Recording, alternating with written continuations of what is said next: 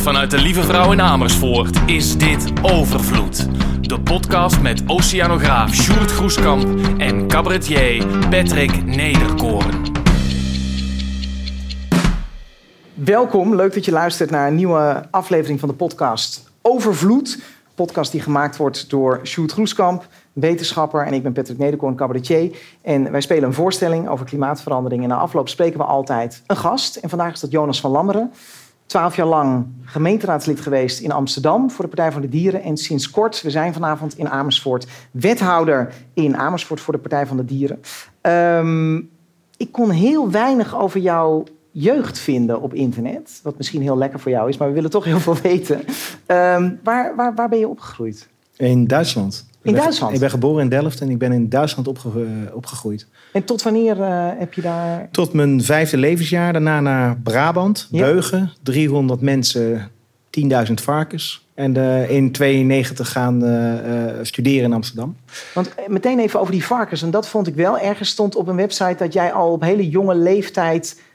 misstanden tegenkwam in de bio-industrie. Ja. Die zin stond er, maar toen dacht ik, wat, wat betekent dat? Wat, wat kwam je tegen op? Nou ja, goed, eh, Beugen had eh, eh, geen openbaar vervoer en al, al helemaal geen lagere school. Dus ik fietste altijd langs de boerenbedrijven richting mijn lagere school. En daar liggen de dode varkens s s'morgens onder, langs de kant van de weg.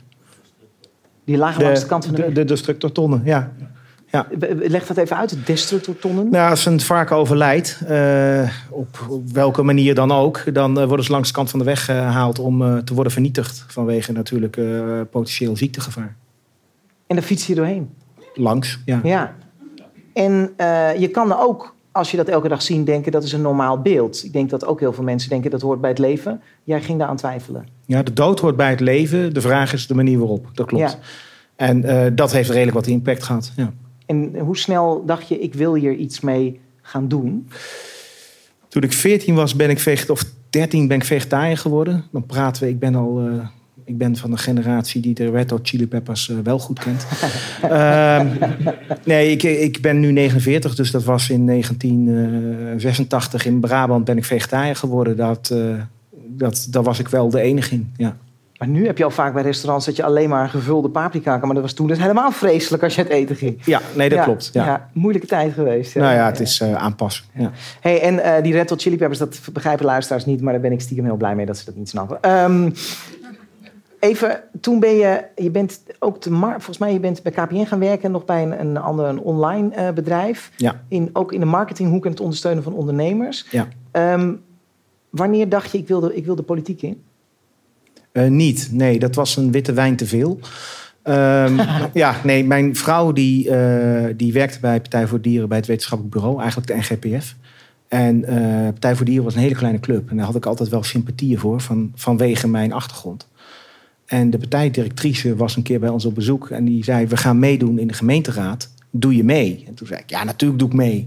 En de volgende ochtend dacht ik: Wat heb ik gezegd? Maar ja, man en man, een woord en woord. En heb ik gesolliciteerd en zo ben ik de politiek ingerold. Maar je stond meteen op één. Ja. dat, is wel, dat is een heel, eh, ja, dat is een wijntje met veel was, vervolgen. Het was een heel ja. kleine partij, hè? Ja, ja, ja. ja, ja. Maar eh, je kwam dus eh, eigenlijk in de politiek en, de- en in, in de problematiek vanwege eh, gestorven varkens. Om het maar even plat te zeggen. Nee, en een wijntje te veel. Maar Ja. op, welk moment kwam dan eh, bijvoorbeeld het klimaatthema ook ter sprake voor jou? Want, want het, je, je kan vanuit verschillende redenen natuurlijk bij de Partij van de Dieren gaan. ja, ik ben daar echt vanuit dierenwelzijn. Eh, en dat heb je er dus later pas bijgeleerd eigenlijk. Nou, de, de klimaat wel eigenlijk. Eh, dat, in onze jeugd waren we natuurlijk gewoon eh, de einde de tijden discussie eh, bang, bang voor de Russen die atoombommen zouden gaan gooien. Hè? Ik bedoel, in die Kun je tijd. helemaal niet meer voorstellen eigenlijk. nee, ik je niks bij voorstellen tegenwoordig. Nee, Ja, nee. Ja, precies. Ja, Ja. Dus dat is helemaal voorbij ja, gelukkig. ja. Ja, ehm, ehm, maar, maar dat hele klimaat, dat was altijd milieu. De, de reclames van vroeger was de kikker als je, een, eh, als je een batterij in de vuilnisbak gooide. Dat waren de reclames, ging over milieu. Klimaat was helemaal nog niet eh, aan de orde. Dat was eigenlijk pas toen Al Gore kwam met een Inconvenient Truth. Ja. Daar is vanuit Partij voor de Dieren op gereageerd van ja, dat klopt wel. Maar wat Al Gore achterwege heeft gelaten is het effect van de vlees eten, de consumptie op het klimaat. En toen kwam Partij voor Dieren met Meet the Truth. Mhm. En, en eh, zo is eigenlijk dierenwelzijn, klimaatverandering, eh, ja, ecologie, biodiversiteit is eigenlijk samengevat vanuit een dierenwelzijnshoek. Ehm, Is, is dat de rangorde? Is het niet andersom ook?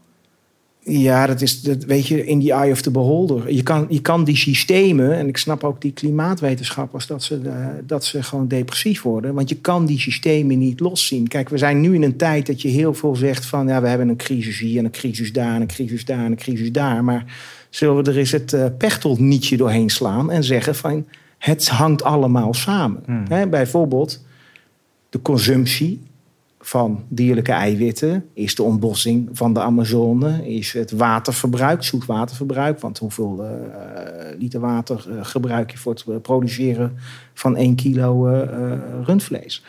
Ehm, dus je kan dat niet loszien. En Klopt. de omgeving voor dierenwelzijn zit in, zit in de natuur. Maar is dat ook, denk je, hoe de Partij voor de Dieren erin staat? Dat het in essentie een Partij voor de Dieren blijft. Uh, maar omdat dat niet los te koppelen is van elkaar, klimaat en dieren, is het daarmee ook een partij voor het klimaat? Nou, ik denk dat de oorsprong echt lag op dierenwelzijn. Maar binnen onze partij heb je nu meerdere stromingen.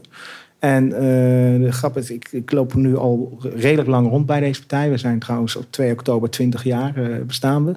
Uh, je, tegenwoordig is de vraag, ben je vanwege klimaat of dierenwelzijn? He, uiteindelijk is de, de, de maatregel die we willen hetzelfde. Maar wat we zien is dat er steeds meer mensen naar Partij voor de Dieren gaan... die voorbij die naam kijken en zeggen... ik zit hier gewoon voor de toekomst van de planeet... en hoe we de planeet op dit moment inrichten. Met ook alle sociale rechtvaardigheid die daarbij hoort. Want dat is... Wat in de, uh, we hebben net een voorstelling meegemaakt voor de mensen van de podcast.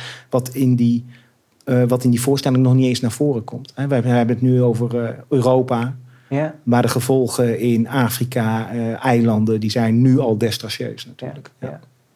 En toen ben je die lokale politiek ingegaan. We hebben het nu over hele grote crises die over de hele wereld zijn, op heel veel terreinen zijn. Wat kun je in een lokale raad doen om daar iets aan bij te dragen. Hè, om het ten goede te keren. Is dat, niet, zijn dat niet, is dat niet een veel te groot afstandsverschil? Ja, dat is, inderdaad, dat, dat, zou, dat is de retoriek die Ja 21 bijvoorbeeld heeft. Hè? Van, uh, ja, als wij in Amsterdam wat doen, dan gaat het over 0, een heleboel nul en dan 2 en dan een procent ja. van wat wij kunnen doen. dat is altijd waar. Uh, aan, aan de andere kant heb je de Obama-speech. Van ja, even, als één voice een klas kan veranderen, dan kan je een zaal veranderen, dan kan je een land veranderen en dan, kun je, dan hmm. heb je impact. Er is geen passagier meer op onze planeet. Iedereen moet wat doen. En dat betekent dat je lokaal wat moet doen. Dat de mensen die dit horen thuis wat moeten doen. Uh, uh, uh, want het is te makkelijk om te zeggen: ja, maar mijn impact is zo klein dat het niet uitmaakt. En dat is altijd waar. Eén stem wint ook geen verkiezing. Ik wil daar wel maar, iets aan toevoegen. En, en daarbij, ja, sorry, ja. Nee, en daarbij heeft Amsterdam nog effect wat landelijk wordt gezien, wat, uh, wat, wat, wat, wat hopelijk dan invloed weer heeft indirect. Maar we hebben een grote stad heeft gewoon wel een miljoen, of bijna een miljoen inwoners. En je hebt gewoon meer effect. Ja, wat wil je zeggen? Nou, een klein dingetje uh, om, dat, uh, om je te helpen in dat argument. Um, als je, heel veel mensen zeggen inderdaad, we hoeven met Nederland niks te doen, want we, we stoten maar zo weinig uit vergeleken met Amerika en China. Nou, als je alle landen op de wereld neemt die evenveel als Nederland uitstoten, of minder, dan is dat bij elkaar ongeveer 40% van de totale uitstoot. Dus zonder al die landen, inclusief Nederland, kan je het probleem nooit oplossen. En dat geldt waarschijnlijk op elk niveau, kan je dat wel een beetje doortrekken. Dus in die zin denk ik dat je inderdaad een goed punt hebt. Wat zijn de dingen waar je met trots op terugkijkt uit die 12 jaar Amsterdamse Raad? Wat heb je daar bereikt? Um, ja, dat is wel heel grappig. Puur het feit dat we al meededen, uh, zetten, uh, uh, zet in de politiek, dat is heel gek. Hè? Want als, je, als iemand niet voor een bepaald punt komt, hoef je er ook niet over te praten. Puur het feit al dat je meedoet, of, betekent dat mensen ineens dierenwelzijn gaan meenemen. maar daarnaast ook voor, op, basis van klimaat, is dat wij groen links groen hebben proberen te houden. En ik heb elke keer de discussie, en die ga ik ook nu aan. Elke keer de discussie is van, hè, want hoor je van ja, het duurzaamheid is heel belangrijk.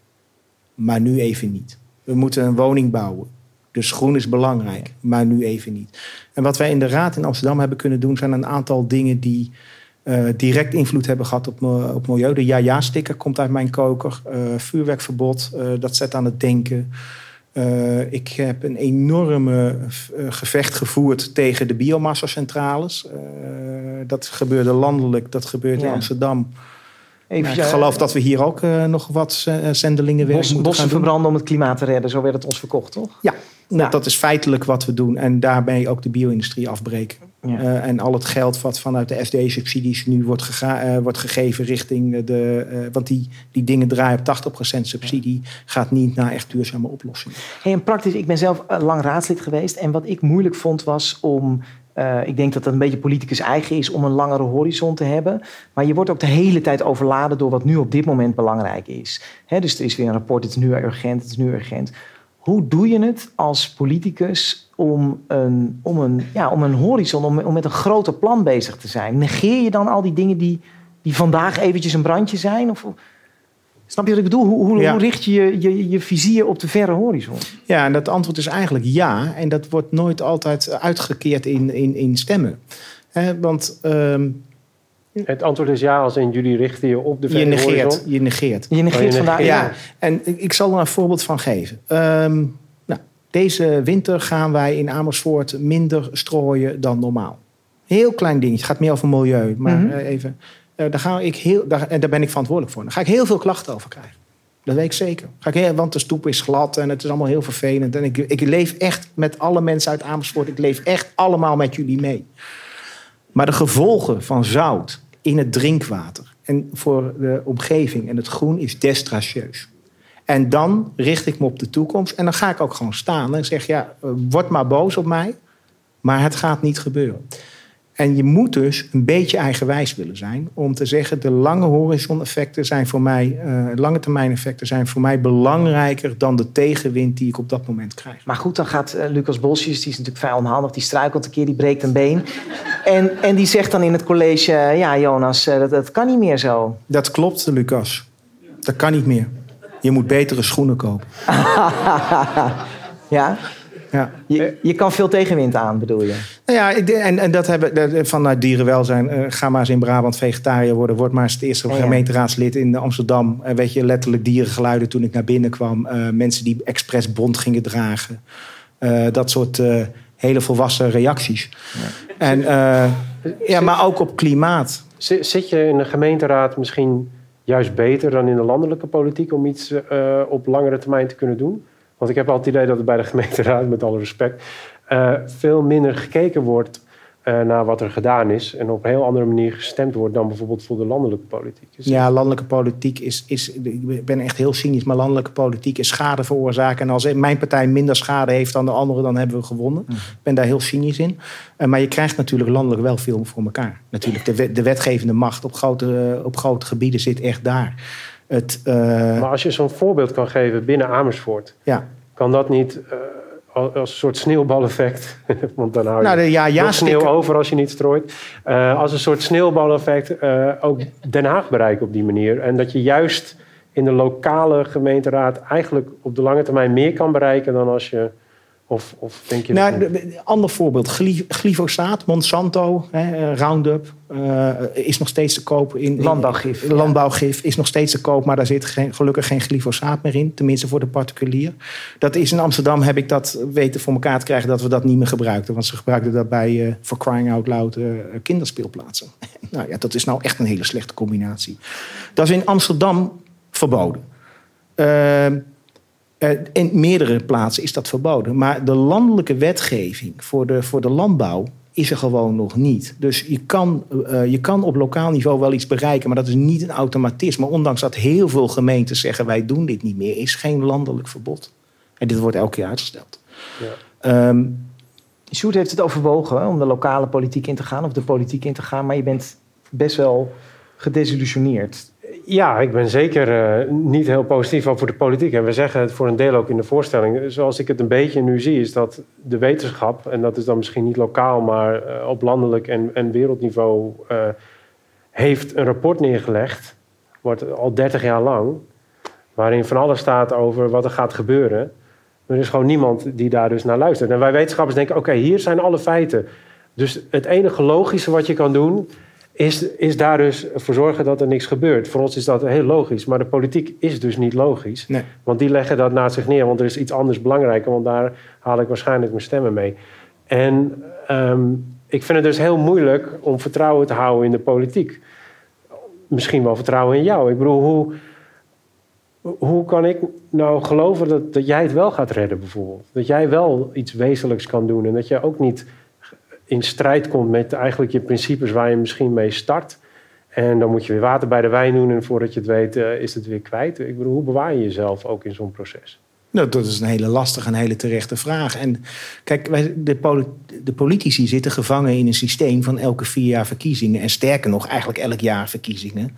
Want als de provinciale staten nu verloren wordt door de, de landelijke partijen, zijn ze de meerderheid in de Eerste Kamer kwijt.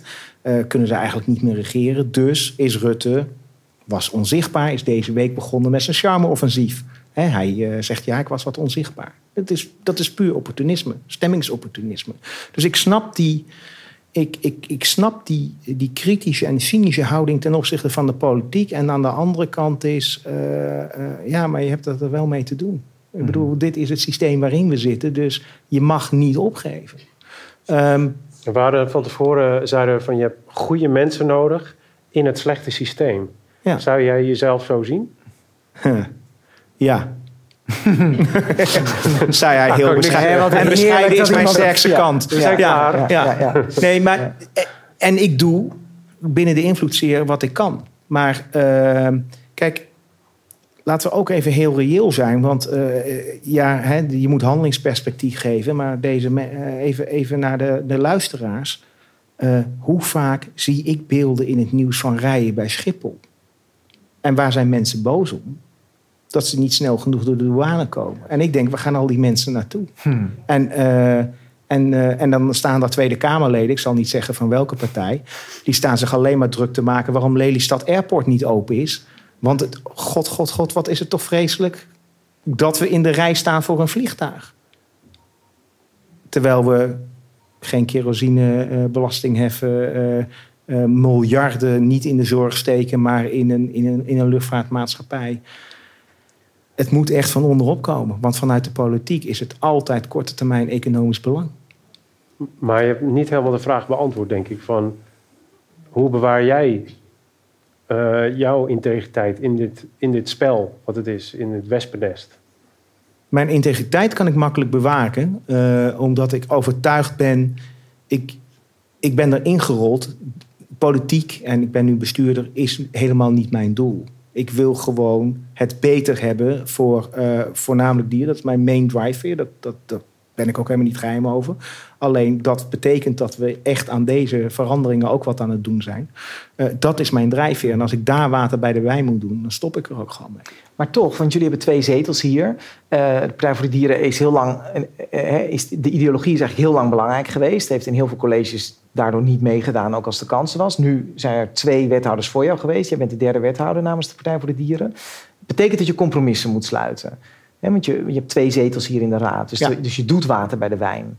Kan je, kan je beschrijven waar voor jou die grens ligt? Dus wanneer het dus wel iets oplevert en je blijft. En wanneer je denkt, nu ben ik te veel mee aan het doen.